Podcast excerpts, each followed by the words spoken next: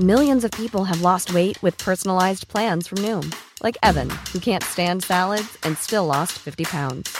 Salads, generally, for most people, are the easy button, right?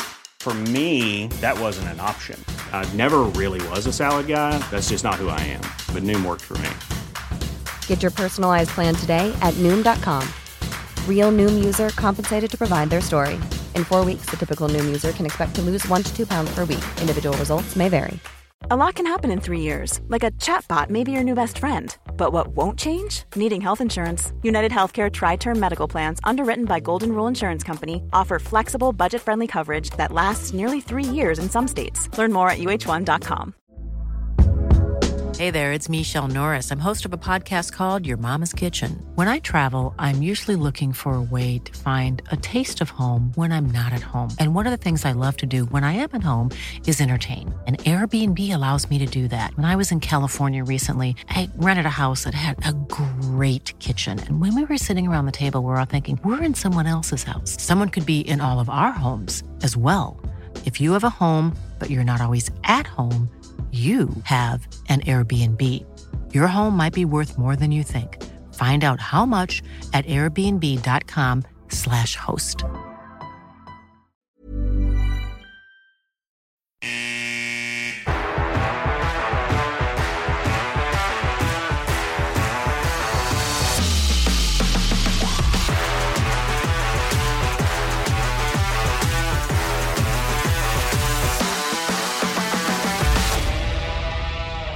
Hej och varmt välkomna tillbaka till podden Vita, gula, blå. En podcast av mig, Karl Andersson och Jonas Ragnarsson, min co-skapare av podden. Jonas, hur har din sommar varit? Ja men hallå Karl, jo men den har varit bra tycker jag. Jag är inne på mina sista dagar nu av fem veckors semester och ja, vi ska inte vara någon väderpodd nu men det känns ju som att regnet och så, det kan inte ha regnat så mycket sen att ja, när Anton Strålman var ung och rask i Tibro och Skövde. Eller att Jesus för den delen gick i badshorts, jag vet inte. Men jag fick i alla fall en vecka i Spanien med sol och bad, god dryck och dylikt. Så att det har varit okej. Okay. Och nu börjar det lite att hockeytarmen vill ha sitt här nu. Själv då Karl, jag vet att du har varit över pölen. Mm -hmm. Över pölen, I, inte på någon draft tyvärr eller sådär, men jag var dock på draftplatsen som där allting drabbade samman för några veckor sedan. Det var så att jag och min bror åkte till Nashville nämligen och eh, semestrade lite där och lyssnade på lite country och lite honky tonk. Det är väl trevligt. Men eh, du, jag känns ändå att du skulle vara en sån som åker runt och bockar av NHL-arenor på någon bucketlista. Är, är vi på den nivån? Eller? Jag har ju en lista. Det, det är väl det jag kan säga. Ja, jag, jag, känner nästan att det finns något där och det är vackert. Jo, men det är kul. Det är inte att jag så här bockar av dem för bockandets skull, men det har liksom bara blivit några arenor. Uh, men jag, jag, jag brukade plugga i San Diego um, för några år sedan. Och då blev det såklart att man kunde se en del matcher, AHL och NHL. Så um, det har blivit några arenor och det är jag väldigt tacksam för. Det är härligt. Men då, jag tänker så här, innan vi drar igång ordentligt här podden, avsnittet, så vill jag bara säga att vi gör det här avsnittet i samarbete med Hooks Herrgård, som ju verkligen lever upp till sin devis ett slags skönare liv. För där snackar vi en anläggning som erbjuder golf, spa och konferens i toppklass. Så tack till Hooks Herrgård som möjliggör det här avsnittet av podden. När vi stod här i juni så var det en vakans på målvaktssidan och den är nog fylld och den landade på en Viktor Brattström. Yes. Jag trodde nog först när vi stod och pratade här att de skulle lösa det internt, antingen med, vad heter de? Uh, Olof Clifford och Noé Liden. Yes, men det blev inte riktigt så. Nu blir det en 97 men jag såg också att han har ju ett förflutet i Timrå så vi har ju en, någon form av nubbengubbe här ändå på något sätt. Eh, senaste två säsongerna AHL, inga jättesiffror. Det känns väl lite som att han kommer hem till Sverige för någon form av nystart. Tankar från din sida där? Ja, alltså eh, just med tanke på att vi pratar om Eliden och Glyfford så jag såg det hända också, men var lite tveksam sett till att om Oitio skulle gå sönder, om man då lämnas Såklart man har tagit in en ny första målvakt i sådana fall, men man hade ju behövt ställa Clifford eller Eliden som första och stå ganska många matcher och det hade varit ganska läskigt tänker jag. Så det känns väl ändå på något sätt lite tryggare att det kommer in någon lite mer eh, rutinerad. Eh, trots att han kanske, hans statistik kanske inte är så smickrande. Om man tittar lite på andra lag nu när man läser runt lite så är det många som pratar om att vi, de har någon form av 60-40 fördelning i procent när det gäller matcher. Att man egentligen matchar två målvakter hyfsat jämnt Mm. och så kanske väljer den hetaste för dagen i slutspelet sen. Mm. Men här känner jag att här är väl Ortio naturligtvis uttalad försteslips, eller? Eh, ja, det vill jag säga. 100 procent. Eh, frågan är bara exakt hur sjukligt många matcher han kommer få stå. Om det är 40-12 eller om det är 42-10. Mm. Det, det känns som att det är mer ditåt det hamnar. Ja. Men ska dock sägas att jag har varit ganska imponerad av Brattström när jag sett honom på träningarna. Och återigen, det här är bara träningar nu. Så man får ta det med en nypa salt. Det är men- det arbetsprovet vi har än så länge, så är någon, någon fingervisning får man ju ändå kanske till viss del. Ja, men det är det vi får säga hittills. Sen så får vi ändå vara öppna med att vi ab- absolut antagligen kommer ha fel på ganska många punkter. Men hittills är jag hyfsat imponerad av Brattström. Stor målvakt, 1,91, 93 kilo. Ja, stämmer. Och du tog upp det innan att må- ganska många lag kör 60-40. Jag tänker Skellefteå med Linus Söderström och Gustav Lindvall. Växjö gör det, Adam Åhman och Emil Larmi, där Larmi. Larmi ändå är första målvakt, men ändå två väldigt bra presterande målvakter. Så att det visar sig också vara ganska beprövat, men lite mer osäkert när det kommer till slutspel, för då ska man ju satsa på en. Så är det. Sen är det som jag sa också innan där att ja, jag känner mig ändå trygg med den målvaktssidan. Nu vet vi vad Ortio presterade i skarpt läge när han var en av liksom, de bärande spelarna under The Great Escape i slutet av förra säsongen. Mm. Och det kanske är så att han behöver spela mycket för att känna att han är i den här zonen. Plus då att spelschemat under hösten är ju tämligen luftigt. Vi snackar nog två matcher oftare i veckan än vad det är tre. Mm. Så att, ja, men landar vi kanske 40-12 eller någonting, eller två tredjedel, en tredjedel sen när vi summerar det, så kanske det är en rimlig, rimlig fördelning. Ja, men det tror jag. Och det här spelschemat som du pratar om som är lite enklare, det talar ju alltid Ortios fördel. Ja. Verkligen allting. Men vi är ändå tryggare. Sen har jag en liten annan spaning här nu, så du får skjuta ner eller får du lyfta den, så jag funderar på. Jag, jag tänker ny målvaktstränare Joel Gistedt. Mhm. Under senaste tio åren så har vi bytt ut tre styrelser, tio tränare, två Samboni-chaufförer, kökspersonal och allt annat däremellan. Men det har varit en konstant under de här tio åren och det är ju gamle målvaktstränaren William Ram. Mm. Jag kan inte nämna någon målvakt egentligen, förutom kanske Söderström, 16-17, som lyfte sig under en säsong. Det är ingen målvakt som har kommit till HV och per definition blivit bättre. Nej. Eh, Sen säger jag inte att jag lastar det på William Ram. Jag säger mer kanske att det kan vara intressant att det byts ut en position, att det kommer in en ny person med nya tankar, nya idéer, vilket kan göra kanske att han kan lyfta Ortio till en nivå till eller att Brattström hittar hem igen och blir ett, det där perfekta komplementet.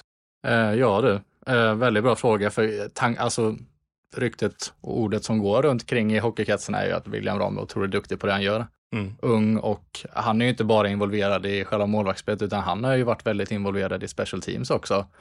Sitter alltid med, eh, när man kollar på All Access till exempel, sitter alltid med tränarna och snackar, gå igenom offensiv och så vidare. Men såklart så är ju hans huvuduppgift målvakterna. Och där har det ju brustit en del faktiskt, om, får man ändå säga.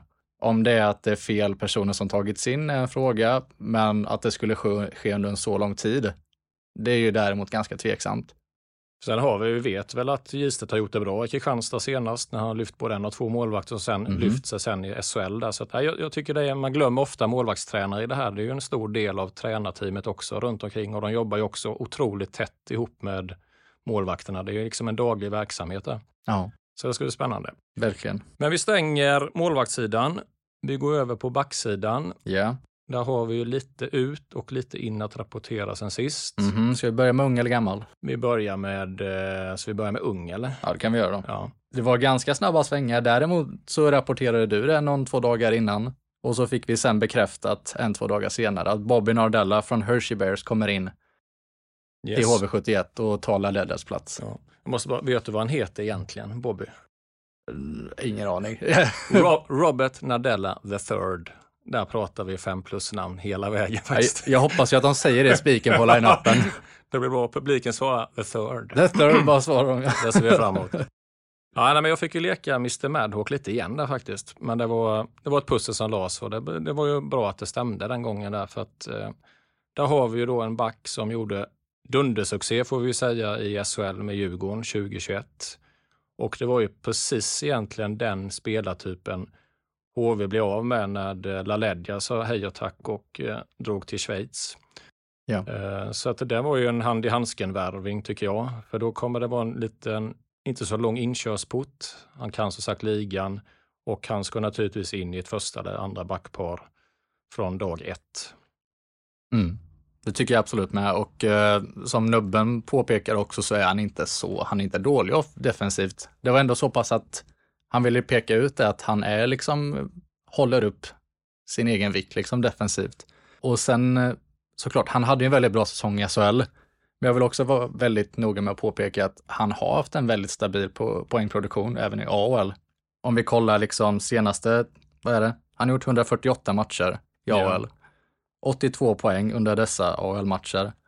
Och då kan man ju ändå, det är en väldigt bra poängskörd i AHL. Och då hittills under en säsong i SHL har han ju hållit ett ännu högre snitt än det.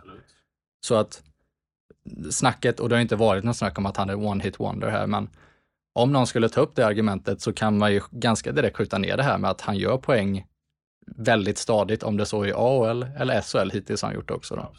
Det var väl inte så direkt att HV var ensamma på den bollen där, utan det var väl ganska många klubbar som var ute efter hans namnteckning där. Så är det. Eh, det blev ju väldigt intressant också med tanke på att nu, nu står inte det här med på agendan, men eh, det är ändå intressant att ta upp Gabriel Karlsson som tydligen, vad jag hade, skulle vara, kunna vara nära att bli klar för HV. Egentligen när jag tittar på det här, vad HV behövde, så är det inte en Gabriel Karlsson. Så jag sätter lite frågetecken på om Växjö vann den kampen eller om HV gav upp på den kampen om man nu fick tag på Bobby Nardella. Då. Det lite jag hörde var att HVs intresse svalnade några veckor innan där och det var väl efter det att Strålman blev 100% klar. För då fyller du den defensiva positionen på ett annat sätt och då Mm. kan du egentligen gå all in på den här offensiva kraften. Sen ersätter ju ingen, och det är ingen som kan ersätta det LaLeggia gjorde. Nej, det går inte att de, sätta ersätta under de månaderna han gjorde i HV. Det Ja, var ju ja, ja. något sinnessjukt egentligen. Men där får vi nog kanske mer stabil defensiv pjäs också. eh, Mm. Som jag tror kan bli otroligt nytt. Och jag antar att det kommer spelas PP där också.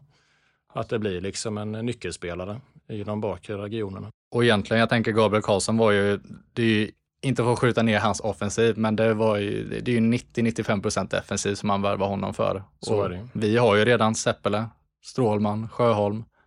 Um, vi behövde ju en väldig offensiv kraft och när man då kan få Nardella som är så offensiv, men ändå håller upp defensiv, så man får verkligen båda med en jätte uppsida på sin offensiv då. Absolut. Det är ju 100%. otroligt bra. Ska vi gå vidare till nästa? Då höjer vi åldern lite. Det gör vi. Eh, Anton Strålman, 37 år efter ungefär 100 NHL-säsonger tillbaka då i Sverige och det blir HV. Och här måste vi diskutera en del för att när man skannar av HV-läget här nu med diverse supportrar och sådär så hittar man två läger. Det är hiss eller diss och egentligen ingenting däremellan. I ena ringhörnan, de som är lite negativa, och jag köper resonemanget att man plockar in en spelare som bevisligen har passerat sin zenit. Han har sina bästa år bakom sig. Och vad finns det då att varför väljer man då att gå hårt på honom då? För det här är verkligen nubbens. Det finns, en, det finns ett band mellan nubben och Strolle som är stort. De har, ju, har alltid pratat väl om varandra i många år. Ja, Och det här känns som att nubben, inte, han skulle inte ge sig förrän att Strålman spelar i HV minst en säsong. Det var de som är lite negativa. Eh, Den positiva ringhörnan, de menar att här får vi in den här perfekta ledaren. Också en liten vakans i laget efter lite kapten och så här tackat för sig. Som kommer liksom ha den här viktiga rösten i omklädningsrummet som visar varje dag på träning, matchförberedelse, hur man äter, sover och skiter hockey i stort sett 24-7. Så någonstans har vi de här två lägren. Mm. Och då, jag ställer bara frågan till dig nu här, vilken, vilken ringhörna är du? Jag var i mitten. I mitten? Ända från början. Ja. Eh, Jag, såklart alltid kul när man ser Anton Strålmans namn komma upp och bli klar för HV. De mesta diskussionerna tog ju plats när han inte var klar, det vill säga hela det här förra året då han möjligtvis skulle komma tillbaka och fram tills nu då i våras, eller det blir bara några veckor sedan, sedan han blev klar då. Det är ju såklart en bra uppsida om det skulle lyckas, men såklart det är väldigt, väldigt lågt fall, liksom Niklas Hjalmarsson, om det inte skulle går den rätta vägen för oss. Jag har liksom känt att det finns inget sätt att analysera det här på när han, man kommer upp i en sån hög ålder som han är i. Jag vill såklart hoppas att han skulle kunna vara lika bra som en Linus Omark i liknande ålder i Luleå eller som en Sami Lepistö som var 37-38 också när han var i Luleå och var otroligt, otroligt bra. Så jag har egentligen bara gått och väntat på de här första ispassen och de första matcherna att få se hur hans status är. Och hittills så har väl jag varit ganska imponerad ändå av Ja. vad man får av en 37-årig NHL-back som spelat det, över tusen matcher. Ja, 937 eller något sånt tror jag det var. Ja. Nej, jag säger så här, vi i redaktionen här, Vita, Gula, Blå, vi eh, lämnar inget åt slumpen så att det är klart att vi har på plats på ett par isträningar här. Och nu är en isträning eller två egentligen inget arbetsprov heller, men jag tycker ändå man ser att det är inte så att det är ett kylskåp som åker runt där. Han är ju mjuk och smidig liksom och spelar Mm. smart, är det vi har sett. Men min ingång i det här är lite att jag är nöjd om Anton Stråman gör en 3 plus-säsong. Mm. Eh, Då har han det legacyt att han kan ha den här rösten i omklädningsrummet och vara en större input i omklädningsrummet än på isen. Mm. För gör han 3 plus, då är det tre backar som jag rankar högre, som ska vara bättre. Mm. Det är Seppele, Sjöholm och Nadella. Och så får, Sjö, eller får liksom Stråman vara där med 3 plus och då är jag jättenöjd med det. För att det är Mm. inte så att HV står inte faller. HVs backsida är stark. Den står inte och faller med att Anton Strålman måste bära den här defensiven. Nej. Så att jag, jag ser bara egentligen positivt till det, för jag har svårt att se att det ska bli en, ska vi säga att det var jobbigt för Hjalmarsson? Ja. Vi måste vara ärliga och säga det. Han har haft en fantastisk karriär och var kanske världens bästa i just spel utan puck i boxplay. Men det gick för fort i SHL. Men jag, jag förstår att de som gör en liten sammankoppling att det ska bli samma problem för Stråman här, men jag tror inte det. Nej, jag tror inte riktigt heller det. Och framförallt med skridskoåkningen på Hjalmarsson så kändes det otroligt trögt. Han- Det bara såg långsamt ut. Han kom inte så långt fram med varje skridskotag han tog. Medan man kollar på Anton Strålman nu, där det är långa, lugna. Han har liksom sån kontroll på sin kropp och sån kontroll på vart alla, alla är på, sin, eh, på banan liksom. Så eh, jag ser försiktigt fram emot att se honom nu i SHL. Det ska bli intressant att titta nu från början tycker jag, träningsmatchen också. Hur Ja. det ser ut mer i skarpa situationer. Sen säger jag inte träningsmatcher är av ondo som jag brukar säga, men du ser ju ändå vissa mönster individuellt i alla fall. Sen Precis. spelar det ingen roll vad det blir där i matcherna. Det får vi, den får vi släppa den pucken, det har vi lärt oss nu. Ja men verkligen. Grejen är, topp fyra är ju väldigt satt. Det är ju Kaski, Seppele, Sjöholm, Nardella. Sen, sen lämnar ju det platser då till Strandell, eh, Fransson och eh, Strålman och Malahti. Men det känns som att han behöver vara fem plus på sin position och hans position är bland de två sista backarna. Mm. Och därmed känns inte uppgiften så otroligt svår för honom att lösa längre. Nej, det är helt rätt. Sen tror nu har de ändå kört, har de kört Strålman och eh, kör de Strålman Nadella idag på träningen? Eh, när vi spelar in det här? Idag körde de Strålman Nardella. Ja. Eh, men lite har visat på att det kan bli Strålman eh, Nardella tillsammans med Sjöholm. Ja. Men oavsett vad, då vet vi att det är inte den här, han måste inte gå in och bära defensiven. Och jag tycker det, och det är rätt skönt, då är jag rätt trygg i det. Då finns det andra pjäser där. Ja, verkligen. Och vi kommer in på Sjöholm senare, men speciellt med hans framfart, vad vi sett Absolut. defensiven, så Tveklöst. ja, det kommer vi in mer senare som sagt på. Ja, vi ramlar vidare till eh, centersidan. Vi har ju egentligen sagt att han har varit klar sedan januari, februari. Nu blir det officiellt här för några månader sedan att eh, Henrik Borgström blir väl en första gubbe på centerpositionen. Mm. Och eh, jag är nyfiken. Nu eh, har jag sett honom på en isträning, det vill säga inget alls att gå på, men ändå stor, stark och fina handleder får man ändå ge honom. Och vi vet ju att det var många klubbar som var ute efter honom, både i SHL och i Schweiz. Och jag tänker så här att vilket tacksamt läge ändå få komma in och få spela hockey med Isak Brännström och André Pettersson. Ja, eh, jag vet inte om han tänkte på det på förhand, men Nej, jösses men det, vad... är- det är inte jobbigt läge. Nej, det är det inte. Eh, Så visst, man kan vända på det att det blir en press. Han har inte, spel, han har inte spelat i SHL. Han kanske inte har producerat jättemycket poäng i AHL. Mm. Men jag menar, det är ju vänd på det istället. Och hej, jag är ny center här. Jaha, där har vi Brännström på den kanten och så André Pettersson på andra. För det, det vet vi att så kommer HV börja i alla fall. Ja. Så att eh, jag, är- jag, är, jag är nyfiken och positiv till Borgström. Jag tror att det kan bli en, en riktig flipp. Ja, men jag, hopp, jag hoppas verkligen det. Ehm, jag tror att den större isen kommer gynna honom mer än vad uh, nordamer, am- nordamerikanska isen gjorde. Ehm, och framförallt väldigt, väldigt roligt han valde just HV. Han verkade ju så otroligt mån om att välja HV eh, före andra eh, svenska klubbar, men även Schweiz då. Däremot så fick man ju upp lite, eh, hjärtat lite när det kom ut det här om att Capitals ville signa om honom på jag vet inte vad det var för kontrakt. Ja, det var något. Då fick jag ju ordentligt eh, dåligt med sömn den natten där. Men det verkar vara att de förlängde hans rättigheter på något sätt där. Men det var Mm. väl aldrig, nubben gick väl ut ganska snabbt dagen efter där och sa att det är inget snack om att han spelar i HV den här säsongen. Så. Ja, så var det. Men det, hur som helst ändå. Det var ju ändå mitten på juni och man tänker det ska vara färdigt nu. Man vill inte bli av med en första center Nej, någon gång vid midsommar. Där. Det vore olyckligt. Speciellt så mycket som vi ifrågasatt eh, resten av centersidan. Att då måste ju åtminstone första centern hålla Ja, upp. Ja. Och nu är han väl lite på militärtjänstgöring i Finland den här veckan tror jag. Så är det. Jag var Ja. så otroligt chockad i måndags när jag var på träning och inte såg honom. Det är lite hårdare klimat där i Finland. Ja. Då tar vi och går vidare till laguppställningarna som har körts nu under de tre, fyra första träningarna. Ja. Eh, Då vi varit på plats och kollat. Ehm, Och vad vi kan säga är att såklart så står ju Ortio och Brattström för att det finns inga andra målvakter. Backar däremot, här är en backuppställning som jag är väldigt, väldigt intresserad av för att jag tror att jag hade ställt upp den här på exakt likadant sätt. Yes, kör. Vi har Seppele tillsammans med Kaski som förmodan blir ett första backpar.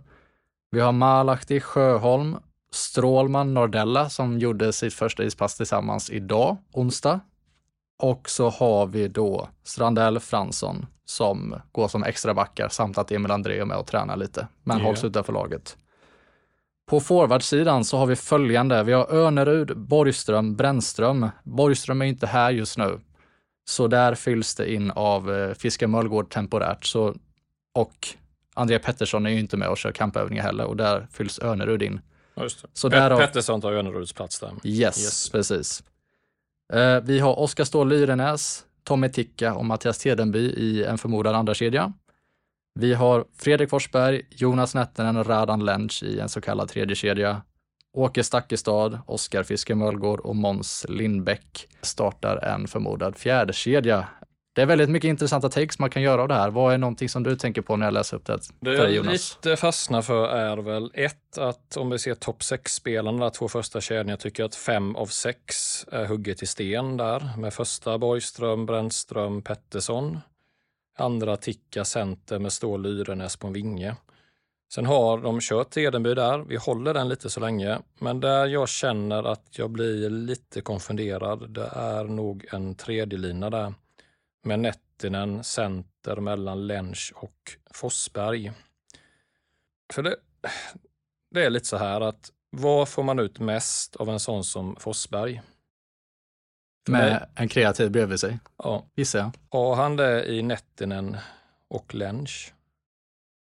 Det tycker inte jag. Nej. Då känns det lite, för mig är den kedjan en liten misfit.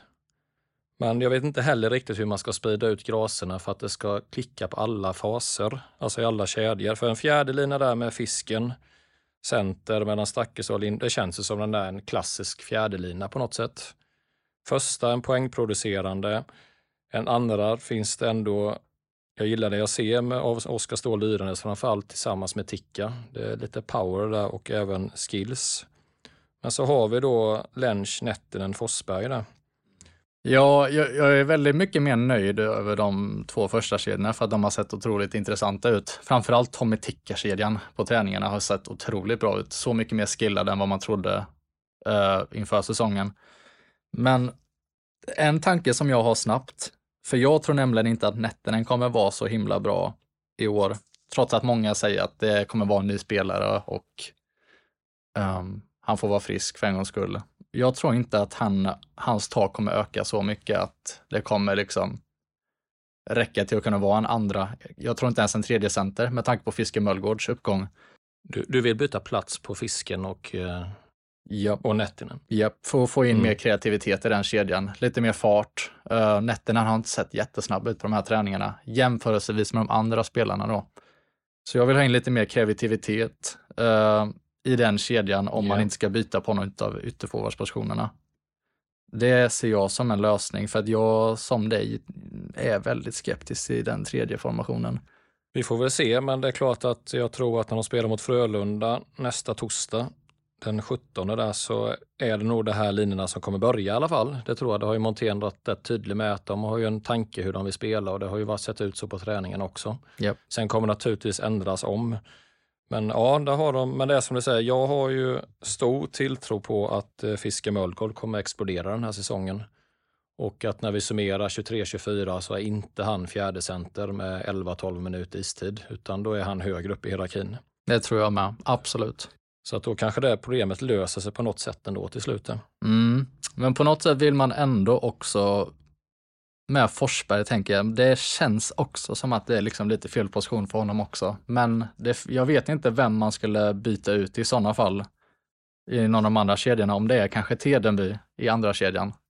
Trycka ner honom ett steg. Ja, det är inte omöjligt heller. Det är som vi säger, Forsberg måste ju spela med någon som ger honom ytor. För att man kan säga mycket om Fredrik Forsberg, men när han är i den berömda zonen och får sina skottlägen, då, då han har ju en, liksom, en USP och det är ju målskyttet och skottet. Sen driver han ju inte spelet, kan vara lite för vek runt eh, vid sarghörn och sådär, men det gäller att han får rätt omgivning och gör han inte det, då är det som förra säsongen, då slutar det med en assist sista 13. Hamnar han rätt från början, då är han en poäng per matchspelare som han var första 20-23 matcherna förra säsongen. Så det ska bli intressant att följa det. här. Det blir väldigt intressant. Som vi sa innan så har ju vi båda varit på plats på några av träningarna nu. Jag har tagit ner lite anteckningar av bara saker som jag har sett och ville bara försöka stryka under som var, kan vara intressant att höra. Ehm, det är att under nu denna veckan då så skulle HV börja träna grundspelet försöka sätta ett stabilt grundspel som ska räcka hela säsongen ut. Och i detta grundspelet så har det såklart börjat med en hel del fem mot fem övningar. Mycket, mycket spel i anfallszon. Det vill säga, man har inte börjat jobba riktigt så mycket på den defensiva strukturen ännu. Yeah. Kanske för att man har lite mer tilltro på att materialet kommer lösa det senare med lite mindre tid.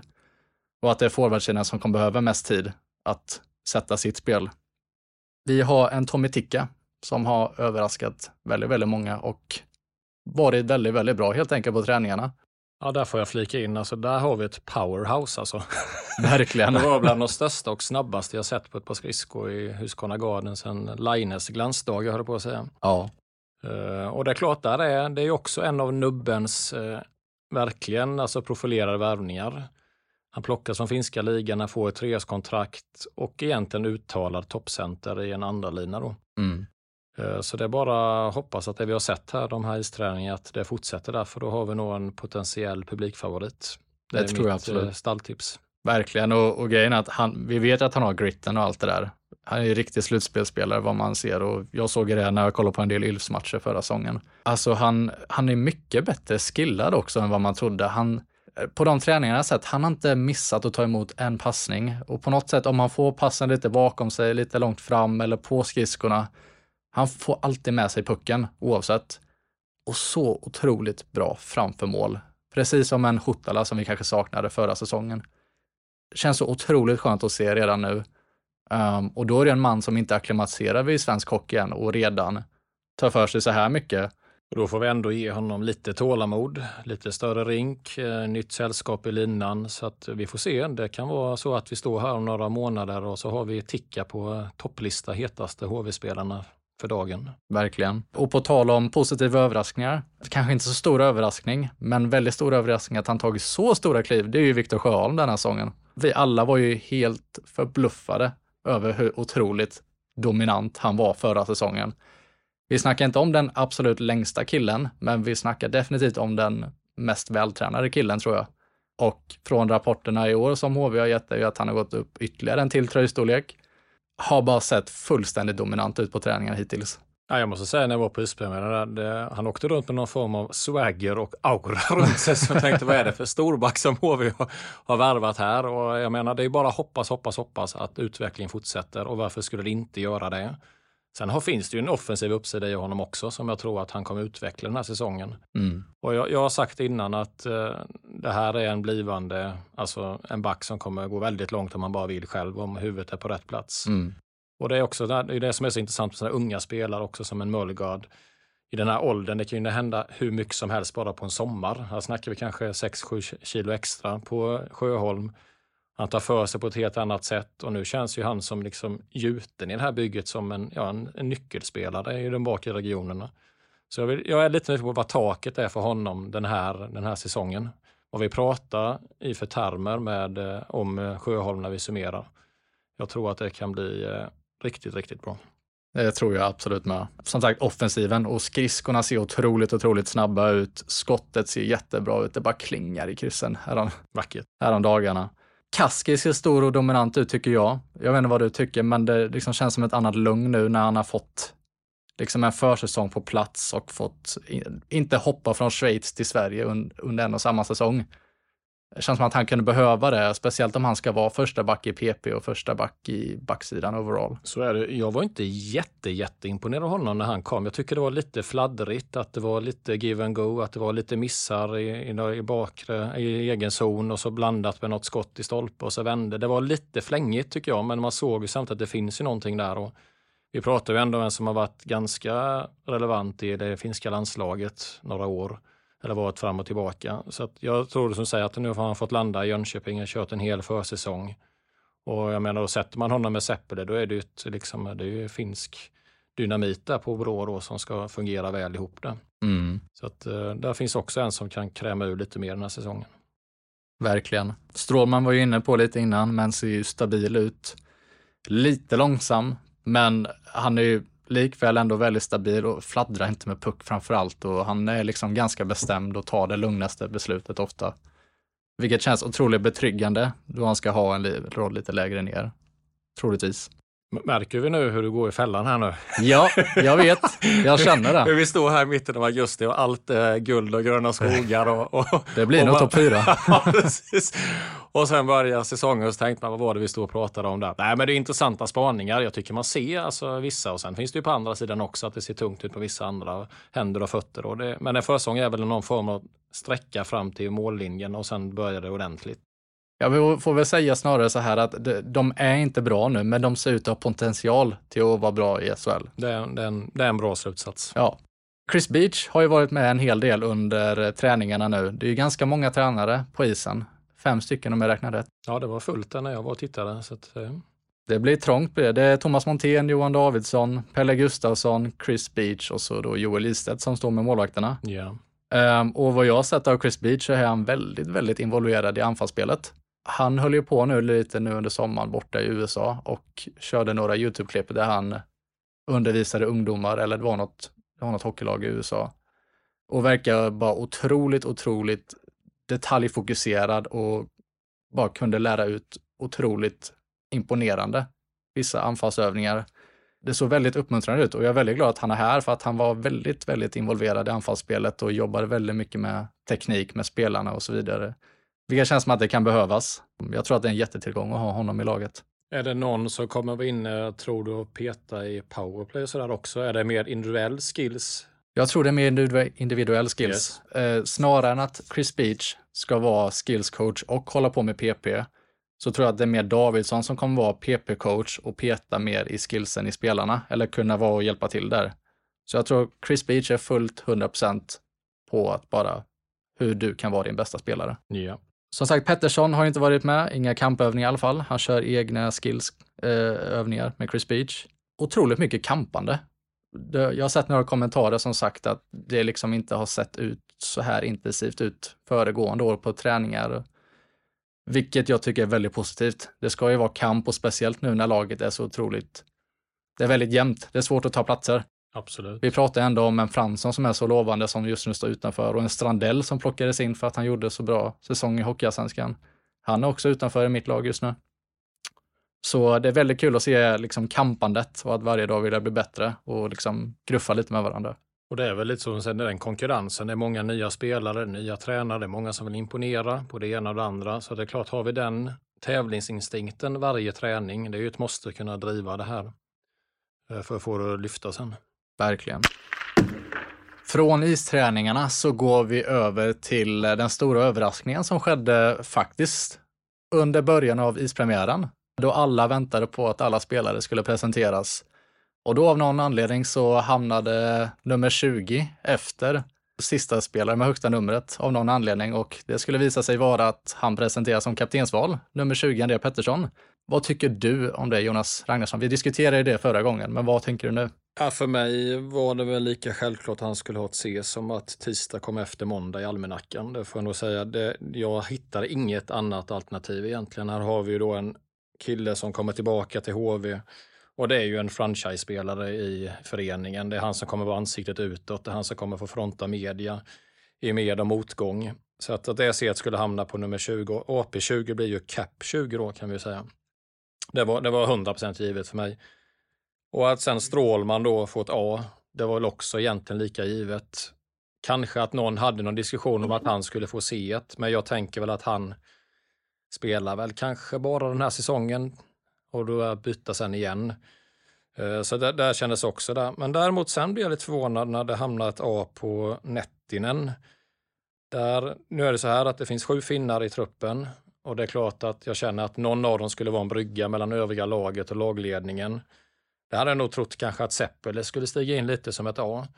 Nu ger man Nettinen ett A och för mig skickar det också lite signal att det här är en spelare man tror på som kommer få istid och är en bärande roll. Det är svårt att vara liksom långt ner i hierarkin som kanske fjärde center, trettonde spelare och bära ett A.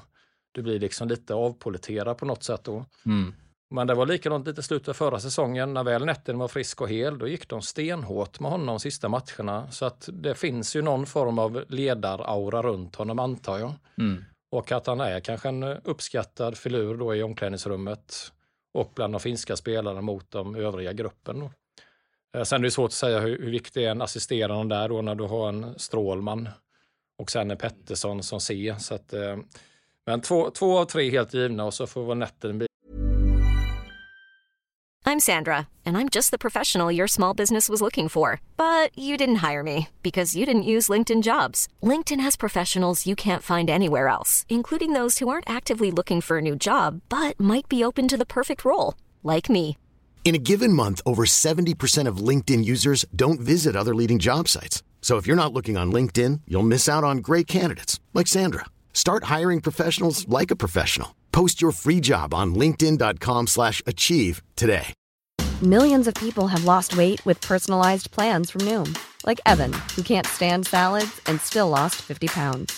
Salads generally for most people are the easy button, right? For me, that wasn't an option. I never really was a salad guy. That's just not who I am. But Noom worked for me. Get your personalized plan today at Noom.com. Real Noom user compensated to provide their story.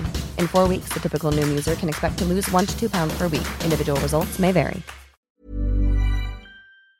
En liten, uh, liten överraskning där som A.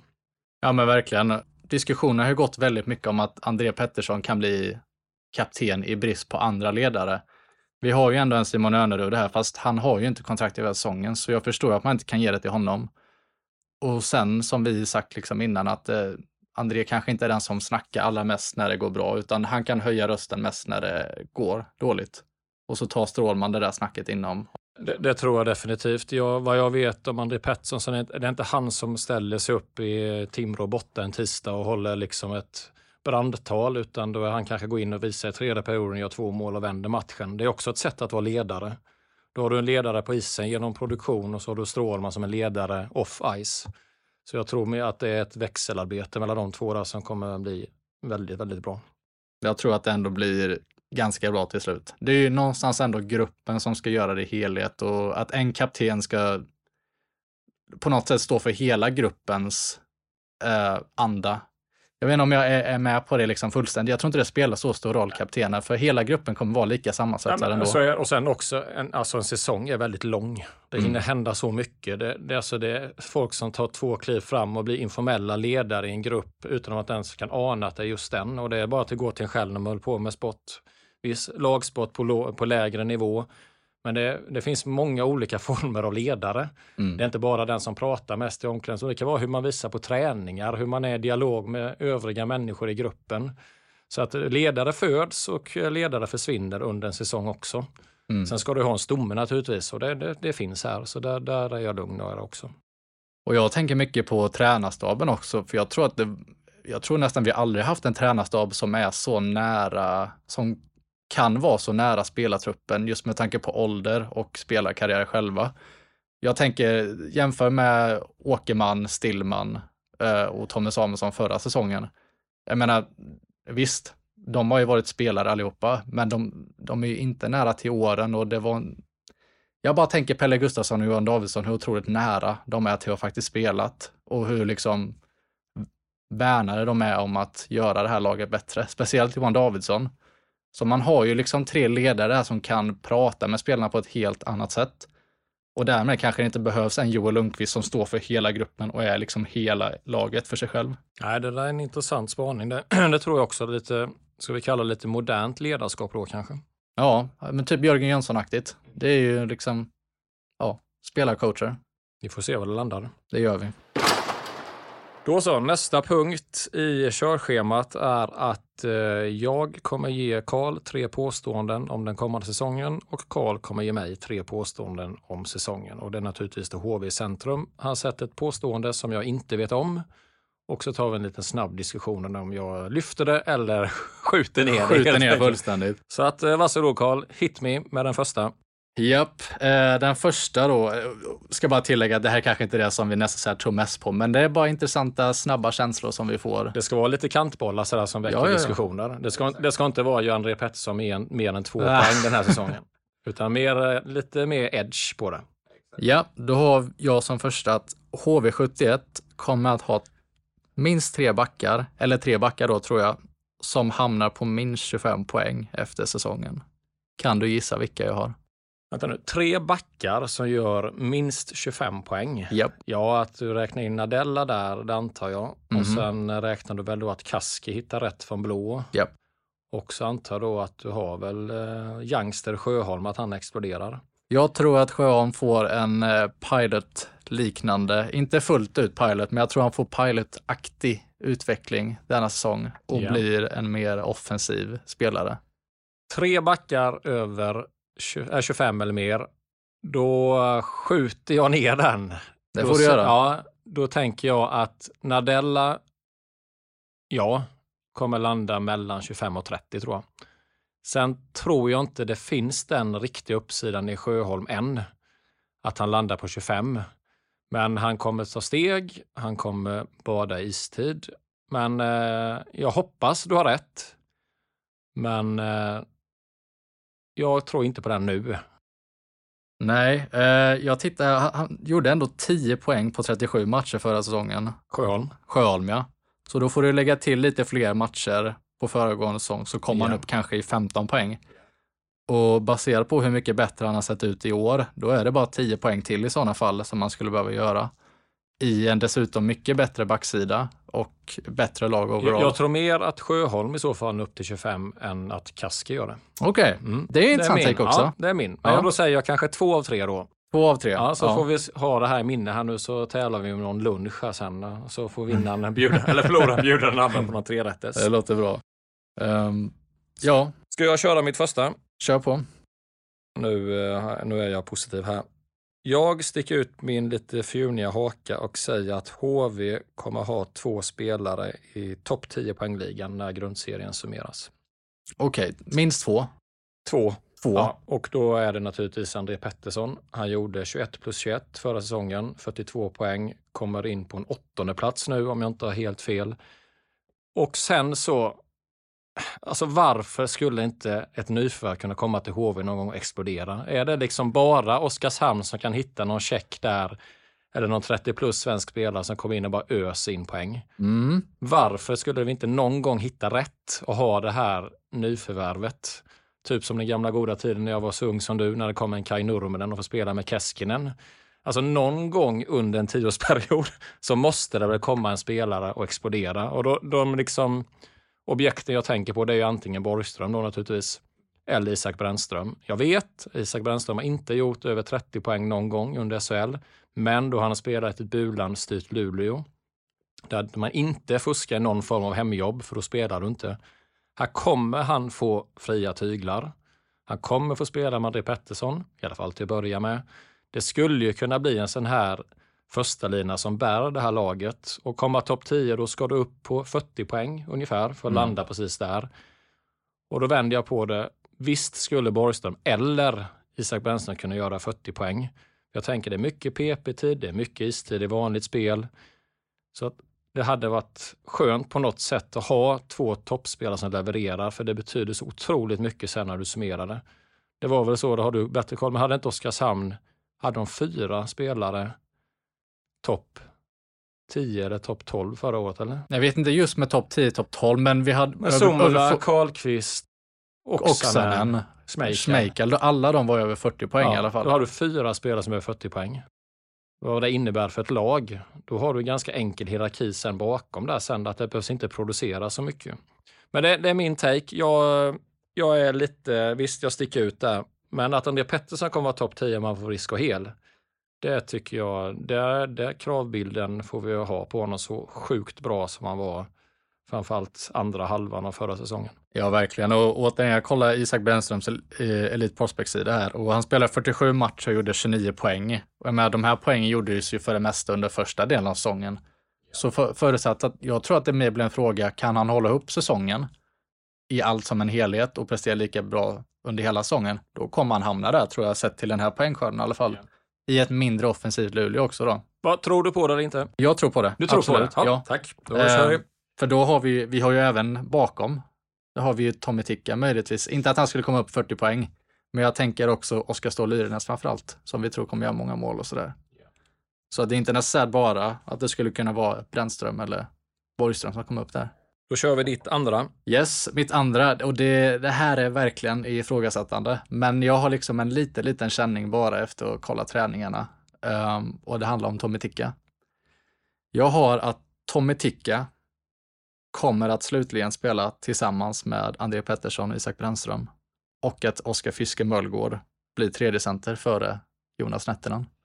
Och detta är inte någonting alls för att Henrik Borgström inte skulle passa med dem, utan jag tror att det kan vara mer att Borgström skulle kunna behövas längre ner och hjälpa möjligtvis Tedenby Oskar Ståhl Lyrenäs. Plus att Tommy Ticka tror jag att kommer vara Nässärt inte att han är första centermaterial, men han kommer vara så mycket bättre än vad vi trodde att han skulle vara. Att han kan axla den första centerrollen. För som vi pratade om innan, André Pettersson och Isak Brännström kan driva en första kedja tillräckligt bra att det inte måste vara världens bästa center. Därmed så lämnar det utrymme till att Ticka kan ta den rollen och att Borgström hjälper folk lite längre ner. Då säger jag att jag är med dig när det kommer till att uh, Fiske Möllgård är... Det var att han skulle bli tredje center, va? eller? Han tar, ja, tredje ja. stället för fjärde. Skjuter ner Nettnen. Ja. Sen har vi Ticka där, men då, då tar jag att det inte blir så. För att, eh, och det säger jag för att jag vill att vi ska ha en fungerande första lina från dag ett. Att man ger de här tre eh, som är uttalade första lina, att de får, får spela ihop hela försäsongen. Att man hittar den här kemin. Och igen där att det skulle vara så gott att ha en producerande lina konsekvent vecka ut, vecka in. Mm. För det har vi inte heller haft sen, ja, sen Sundsvall brann, på att säga. Nej. Eh, Men jag hör vad du säger och eh, Ticka, ja, där finns eh, intressanta grejer där. Men då ger jag dig en halv där då, för jag tror på fisken som tredje, men jag tror att Borgström kommer husera som första center. Mm. Jag tror bara HV kommer behöva tänka mer lång, längre än bara första kedjan. Det funkade ju väldigt bra på Oskarshamn. Det gjorde det, men det blir bara så begränsat om man vill satsa långsiktigt. Och om Ticka skulle funka i en första kedja så ser jag ett scenario där de byter ut Ticka mot Borgström och att Borgström kan hjälpa till lite längre ner. Till exempel en Forsberg som vill leta en bra lekkamrat till som kan ge honom möjligheter. Och jag ser att Borgström skulle kunna vara det. Så det är mycket därför som jag tänker att spelskickligheten kanske behövs lite längre ner också. Vi får se. Det får vi. Vad vi får se också är ditt andra påstående Jonas. Då kommer det här. Då säger jag att Oskar Ståhl Lyrenäs spränger 20-målsvallen. Alltså han gör 20 mål eller mer under säsongen. Och då Mhm. tänker jag så här att han, jag tycker han har smugit lite under radarn. Jag tycker det här är en jättefin värvning. Han gjorde 15 mål, jag vet inte assist vad han hade. Han har över 30 poäng i alla fall i Rögle förra säsongen. 15 plus 18 och något kanske. Eh, men det är en målskytt i ett Rögle som hade det riktigt jobbigt förra säsongen. Här får han redan nu en uttalad position i en topplina. Jag antar att han kommer få speltid i PP.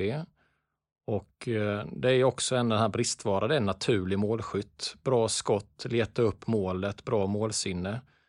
Så att i rätt ålder, 25 år, har då förmodligen sina två, tre bästa säsonger framför sig. Om HV får offensiven fungera, då känner jag att han kan göra 20 mål. Och det är inte jättevanligt med 20-målsskyttar i HV. Vi hade André förra året på 21. Forsberg gjorde väl 20 plus va? första svängen i SHL där. Mhm, mhm. Men det, är inte, det, det kryllar inte med 20-målsskytte överlag i SHL. Det är en tuff liga, det är svårt att hitta målet. Men eh, jag tror på OSL att eh, 20 mål eller mer. Hiss eller diss? Eh, vad sa du, hur många mål gjorde han? Han gjorde 15 mål i Rögle förra året. Ja, det är ju inte mycket mer, men samtidigt så hade han lite bättre centra, typ tänkte jag snabbt bara när han spelade i Rögle. Så alltså jag är nära på att ge dig, men jag tror han hamnar så här precis under. Jag tror han hamnar på samma.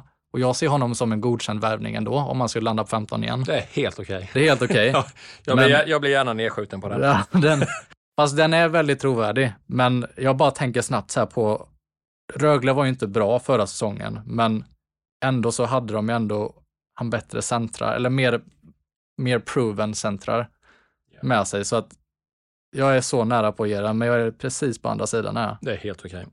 Då kör du din eh, sista. Min sista. Ja. Ja, Eh, och den är väl, uh, jag vet inte om det är så mycket vattendelare, det är väl uh, något sånt här som de flesta tror också.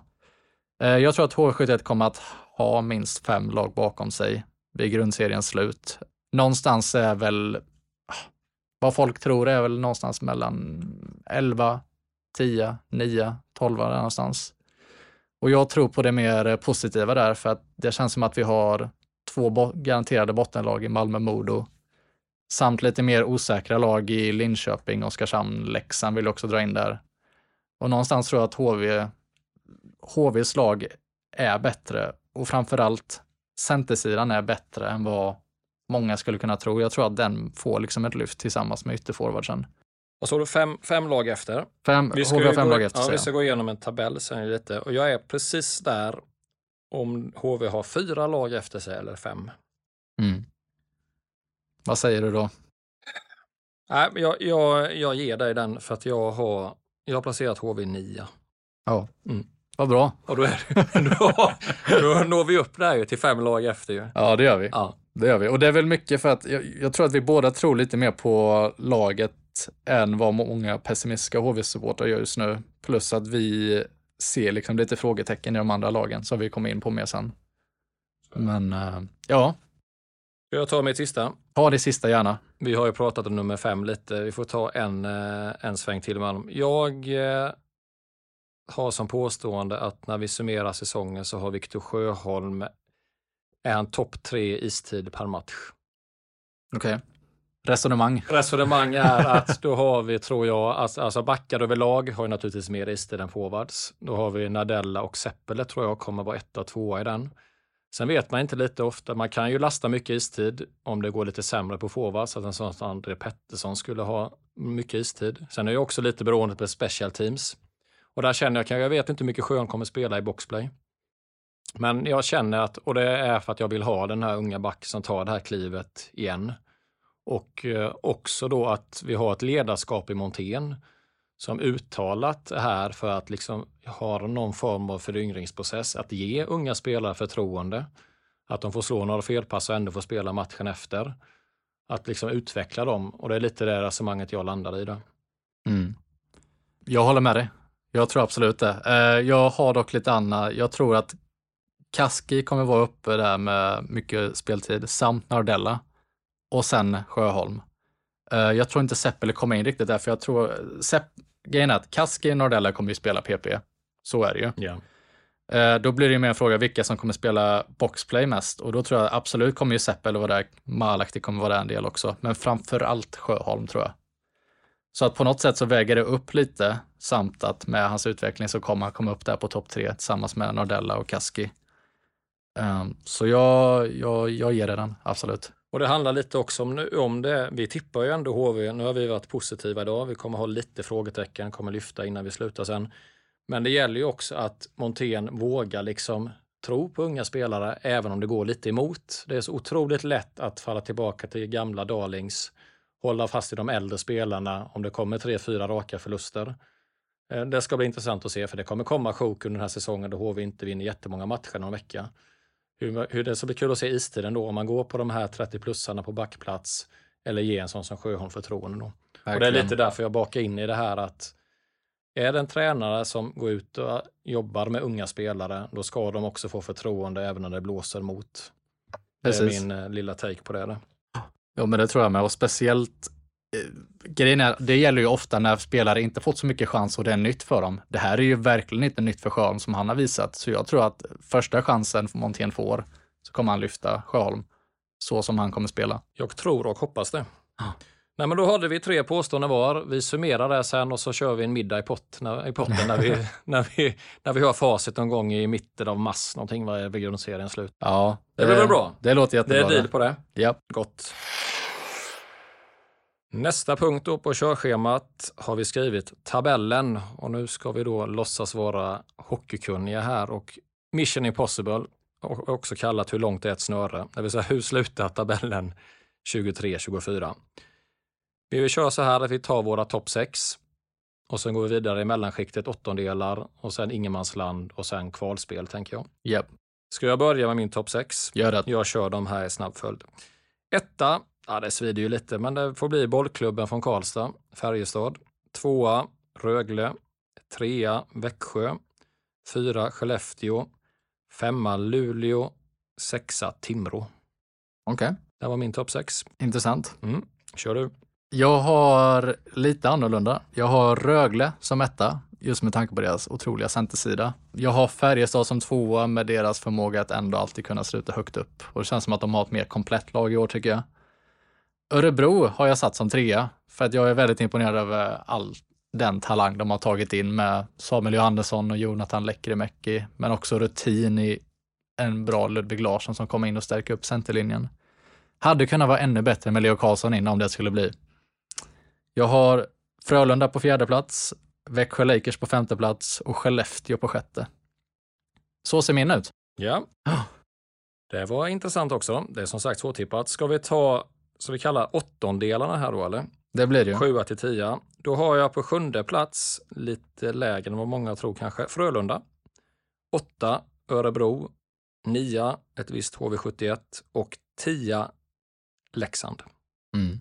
Och jag har Luleå på sjunde plats. Väldigt svårt att tippa dem där med Omark och Andreasson tillbaka, Ja. men på något sätt så är det så många bra lag som är med. Eh, Och samma argument har jag för min åttonde plats där jag har Timrå. Som trots att de blivit bättre i år och slutade på, vad var det, sjätte plats förra säsongen, Mm. så har jag dem ändå här nere. Av någon anledning, jag vet inte varför, men på något sätt blir det för trångt där uppe. Jag har, som dig, HV på nionde plats. Eh, Jag har ett Leksand på tionde plats som jag inte känns så imponerad över. Och lite floppvarningar på dem. Ja, det är som jag säger, det är otroligt tajt också. Jag vet alltså förra året ramlade väl Rögle och Luleå in på nedre halvan. Mm. Eh, Så det kommer inte skilja många poäng här. Men då hade vi mellanskiktet där. Ska vi ta de som tar tidigt sommarlov och tar fram golfklubborna i mitten av mars då? Mhm. Då har jag på elfte plats Oskarshamn och tolva Linköping. Mm. Jag har exakt samma. Bara att jag har skrivit på tolfte plats Linköping slash Malmö, fast lite övervägande Linköping. Yes. Och då landar vi då i eh, kvalspelet, två M-lag, Malmö och Modo. Ja. Då var vi överens och de hade vi samma då på de Eh, sex sista platserna då? sex sista, ja. Det är Timrå på åttonde plats som jag som skiljer sig. Ja, just det. Men annars så resten är det exakt samma. Ja, då var vi hyfsat överens. Så hade du eh, Frölunda lite högre upp och så Örebro hade du trea, där satte jag bara åttonde plats. Men Japp. det är det som sagt, det, ja, hur långt är snöret? Vi är överens om toppen, hade vi Färjestad och Rögle på olika platser, ändå etta, tvåa. Och Mm. vi hade bottenlag och kvallag. Mm. Så att, ja, Jag vill dock sätta lite till frågetecken på Linköping. Många säger att det är ju liksom deras tur snart. Ehm, man kan liksom inte dansa så mycket där nere kring strecket och det känns som att på något sätt Malmö skulle kunna skrälla, lite. Ja, ja, det kommer bli tajt. Och sen är det tråkigt att sätta så givet Modo på sista. Men jag känner, nu vet jag, eller vi, efter att en session i Allsvenskan kommer tillbaka, vilken fruktansvärd skillnad det är på Hockeyallsvenskan och SHL. Ja, Alltså att det var skillnad, men det syntes så otroligt väl första 15 omgångarna förra säsongen att det var ju spelare som inte det var, det var ett snäpp för högt i, all, i alla liksom moment i spelet. ja, Och Modo har ju i stort sett inte värvat, alltså de lever på sin allsvenska, tar upp kryddat, men det kommer, det kommer Ja. bli tufft. Men sen som du säger också med Linköping där, det är ofta att det till slut biter den enda lykten. Vi hade med HV några säsonger, man såg den dalande. Man mm -hmm. såg mycket väl på Brynäs förra säsongen. Samma approach. Och även Djurgården innan för några år sedan. Att det finns, man ser de här, alla pilar peta, pekar lite sakta neråt. Och nej, det, och Linköping kom ju 12 förra året. HV gick ju förbi i sista omgångarna. Ja, de var ju till och med indragna i det. det var de blev ju det till slut ja. Ja, det blev de. Tillbaka till Modo där liksom. För jag pratade med Modid först igår och deras sikte är inställt på att ja, men det, vi kommer liksom inte vara så bra, men det finns ändå en ekonomisk styrka att kunna förstärka under vägen. Men de gör ju exakt samma grej som vi gjorde förra året. De förlitar ju på sin allsvenska topp som är en andra kedja. Vi hade ju Wessel, Forsberg, Taylor Matsen som man försökte gå med som andra kedja. Modo har ju Riley Woods, Josh Dickinson och Micke Lågård som man ska förlita sig på i en andra kedja. Det funkar ju inte för oss och jag tror inte det kommer funkas, alla, kanske lite bättre än oss, men det kommer inte räcka till ändå tror jag. Och deras första kedja är inte heller absolut eh, imponerad över, men jättegammal Mikael Roma som Sen, är frågan också, vad har de för kapital att förstärka under säsongen? Jag menar HVs krispaket förra säsongen, det kostade mer än en korv med bröd. Jo, jo, jo, så är det. Så att det är klart att det kommer hända saker under resans gång. Där, men frågan är om de har de pengarna till att hitta de spelarna i något form av krispaket. Ja, grejen är också att de har ju kanske de har inte samma attraktionskraft heller att kunna hjälpa. Det är ju roligare att komma till ett krisande HV kanske på vissa sätt än krisande Modo. Nu kommer ju dock pressen vara större om man spelar i HV och det krisar än i Modo. Men på något sätt är ju alltid HV en mer attraktiv klubb i de flesta fall att komma till. Men jag menar, jag tänker ah, Mikael Roma i en första kedja med Theodor Niederbach. Och jag vet inte om det var att de skulle ta in en till. Sampo Ranta är där också. Jag vet, det låter liksom inte så himla bra till en drivande kedja. Nej, det låter tunt. Jättetunt faktiskt. Eh, men samtidigt, ja, vi hörde ju också sen att Oskar Fantenberg skadade sig häromdagen, ja. igår. Borta några veckor, upp till två månader, tror jag, sex, åtta veckor. Då missade han första matcherna, första veckorna. Och där har ju verkligen en, det är ju den spelaren som inte får vara borta i Linköping. Nej, speciellt som ny kapten och allt. Nu blir kompisen Feff Alsen uppe i Linköping lite gramse på mig här när vi sitter och snackar ner Linköping. Men det är som sagt, det pekar neråt där också, så att vi får se. Det blir minst sagt intressant, men jag tror att de tre är ganska satta som bottenlag. Möjligtvis att HV skulle kunna vara där nere, men jag tror inte det. Så jag tror att vi har liksom en ganska grundad sista tredje lag. Jag tänker så här nu Karl, vi har ju pratat en del, vi har varit ganska positiva. Vi lyfter spelare, kanske att vi går på myten som vanligt när man sitter och tittar på isträningen. Man ser nyförvärv som ser pigga ut som en rund miljon dollar med, med Sjöholm och sådär när Della kommer. Men ändå sätter vi dem nia, vilket jag kan tycka att det kommer nog vara lite där tipsen kommer landa, även de som inte är HV Pro om man säger, utan mm. det, jag tror att det är där. Och då är känslan så här, nu när vi nästan har pratat upp dem, varför vi bara inom citationstecken sätter dem nia. Mm. Och då har jag, jag har tre små spaningar om det, så får du vara med lite i diskussionen. Ja. Det första är att SHL-rutinen på tongivande spelare. Borgström första center, noll SHL-matcher. Ticka andra center, noll SHL-matcher. Sjöholm, en hel SHL-säsong. Kaski, en halv SHL-säsong. Mahalahti, knappt en halv SHL-säsong. Nadella, en säsong i SHL. Och så kan man egentligen fortsätta med ganska många mm. spelare. Och då är känslan så här, kommer de kunna leverera i SHL direkt? Eller är de liksom någon som bara lyckas i andra ställen på AHL eller i andra klubbar? Är det liksom bara för att de är bra spelare, kan de SHL från dag ett? Kan de det, hur lång kommer inkörningsperioden bli? Det är min första. Det andra är att jag har lite frågetecken fortfarande för Montén som headcoach. Eh, det är tio år sedan han var det. Innan, då var han i Timrå och Djurgården en sväng. Det flög inte där. Sen eh, juniorkrona på det. Är han då rätt gubbe att leda det här laget? Det känns som det är så många nya komponenter, både på ledarsidan, på, alltså på tränarbiten, spelarna ska, ska gå ihop som en grupp. Kanske skulle det behövts en annan form av med lite mer inte, med pondus eller med ett CV som liksom imponerar. Jag landar någonstans där i att det kan bli svajigt där. Är det den tränaren som spelarna verkligen rättar sig i ledet efter om det börjar blåsa lite. Det är min andra. Och det tredje är att HV71 berör Jönköping. Det vet ju vi, bara när vi startar den här podden vad vi fått för reaktioner på det. Vad händer nu då om det börjar, inte så illa som förra säsongen, för det vägrar jag tro att det gör, men att säga att HV sladdar in på en elfte plats efter 17-18 omgångar. När det börjar blåsa lite i styrelserummet, har man tålamodet, har gruppen tålamodet, finner de trygghet i det här i varandra? Vem går i ledarrollen då? Vem tar laget? Jag känner lite där att HV är ett stort lag, men det är inget storlag. Och där tror jag folk går vilse lite ibland. HV berör, men titta tabellplaceringar sista åren. Då är det inget storlag. Det är ett stort lag i samband med sponsorer, med liksom allting runt omkring, publiksnittet. HV är ett varumärke som är otroligt starkt. Men jag, får inte, jag är lite ängslig för att det blåser så fort när inte HV vinner hockeymatcher. Det är de tre lite jag har som gör att jag har lite ont i magen också inför den här säsongen. Inte som förra säsongen, för då Nej. visste att det var det bara kliv, kliv, överlev från dag ett. Mm. Och det löste de till slut, även om det kostade mycket både pengar och personer.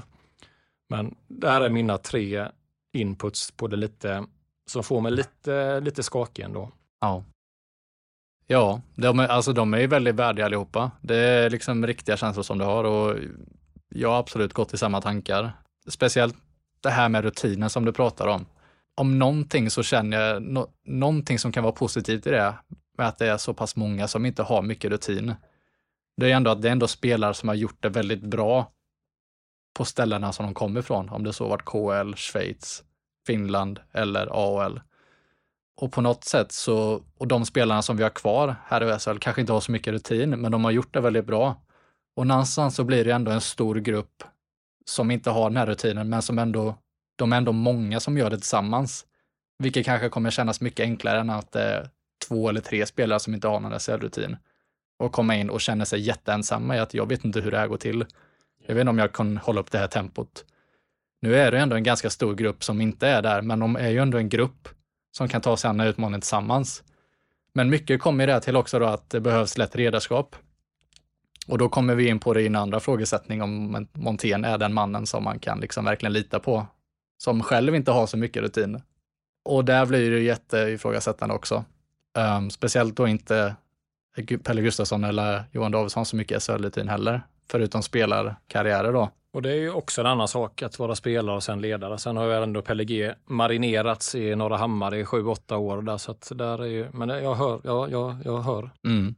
Någonting som brukar stilla mig lite är att tänka på Växjö och Jörgen Jönsson som inte alls varit tränare länge och kommer in sin första säsong med ett lag som inte tippades så högt som att de skulle vinna guld och ändå gör det med sån självklarhet som de gör det. Yeah. Um, och för det känns ändå som att det är någonstans Växjös filosofi som HV försöker anamma lite nu. Att det handlar inte om de absolut största namnen, varken på spelarsidan eller på tränarsidan, utan det handlar om att få ihop rätt grupp. Liksom. Det spelar ingen roll hur bra eller dålig centersida vi har, för att det är liksom gruppen som kommer göra det ändå. Om man tittar liksom på Växjö, vi tog upp det här i förra avsnittet, men om man kollar på Växjös centersida förra säsongen, då var det liksom Robert Rosén med Martin Lundberg och så ett gäng juniorer i princip. Kalle Mm. Kossela kunde spela ibland någonting, men det är ju inte en så stark centersida som man tror att guldlag skulle kunna ha. Nej. Men är det inte också att det finns, och det är väl lite det också jag är inne på, att andra lag som är de här stabila topplagen, de har ju en spelmodell som de senare värvar spelare till. Rollspelare som passar in 1C, 3 ytterforward.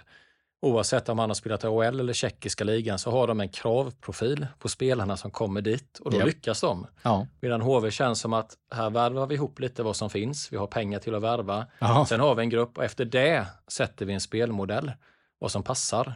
Och då jag tror att det kan bli det här, då blir det det här jojo. Ja, Får du träff, då är det 16-17. mm, Får du inte träff, då åker man ur. exakt. Det ser du inte i Växjö, Skellefteå. Utan det, och det är ofta där spelare utvecklas helt plötsligt. Jaha, gjorde han nu 20 plus 15? Han gjorde ju fem poäng hos oss för två säsonger sedan. Exakt. Så det är också en liten sådär, men det är ju en resa. Det tar ju tid. Det gör det. Eh, Jag, jag tror ändå HV tagit, börjar ta små steg till att göra det i alla fall. Jag tänker till exempel med Tommy Ticka där. Jag menar, han så, såg sig absolut inte som att kunna vara en andra center när han själv var tredje center eller någonting i Finland till och med. Nej, nej, så är det. På något sätt visar ju det om någonting på att statistik och namnet är liksom inte allt. I alla fall inför, de, inför denna säsongens HV. Sen kan man ju vara hypokrat och säga, ja men Anton Strålman kom ju då. Men han visar sig just nu på träningar liksom vara en spelare som håller upp sin ålder och kan hålla sin backplats. Um, så jag liksom ser positivt att man, jag tror att man försöker ändra om lite i den här hur man ser på hur man värvar spelare i HV och hur man spelar de spelarna. Jag hoppas att man gör den förändringen och jag tror att man börjar göra den så smått. Men eh, det viktiga är att man börjar göra den för att eh, Växjös recept visar sig tydligen vara otroligt vägvinnande. Onekligen. Vi får se vad som vi landar i helt enkelt. Men du Karl, jag känner att klockan börjar rusa iväg från oss här. Vi skulle kunna stå och prata hockey 24-7 tror jag. Ja, Men innan vi knyter ihop säcken vill jag bara säga då att vi gör det här avsnittet i samarbete med Hooks Herrgård som ju verkligen lever upp till sin devis ett slags skönare liv. En anläggning som erbjuder golf, spa och konferens i absoluta toppklass. Tack till Hooks Herrgård som möjliggör det här avsnittet av podden. Är vi nöjda där Karl eller har du något att tillägga? Ja, nej, jag, jag tror att vi är ganska nöjda. Eh, Det är ju snart dags för hockey igen. Så är, det Eh, ju, så är det ju. Jag vill också vi kan väl säga så här också, att vi vill gärna ha liksom kommentarer, ris och ros från er lyssnare. Och mig går det nå på mejl, jragnarsson.hotmail.com eller på Twitter, det är bara att söka upp namnet där. Och Karl har väl också någon form av informationskälla där. Precis, eh, jag finns ju på Karl Andersson på Twitter. Eh, Jag och Jonas retweetar ju ofta, ganska ofta våra Vi är nog rätt Grejer. synliga där. Ja. Um, och jag har en mail på karl.00 outlook.com där Karl stavas med C. Yes. Och så kan vi väl säga då också att vi har bokat studion här igen. Vi kommer köra nästa avsnitt eh, inom ett par veckor här när HV har spelat fyra, fem träningsmatcher. något. Så på återhörande då. Tack och bock. Tack själv, ha det gott!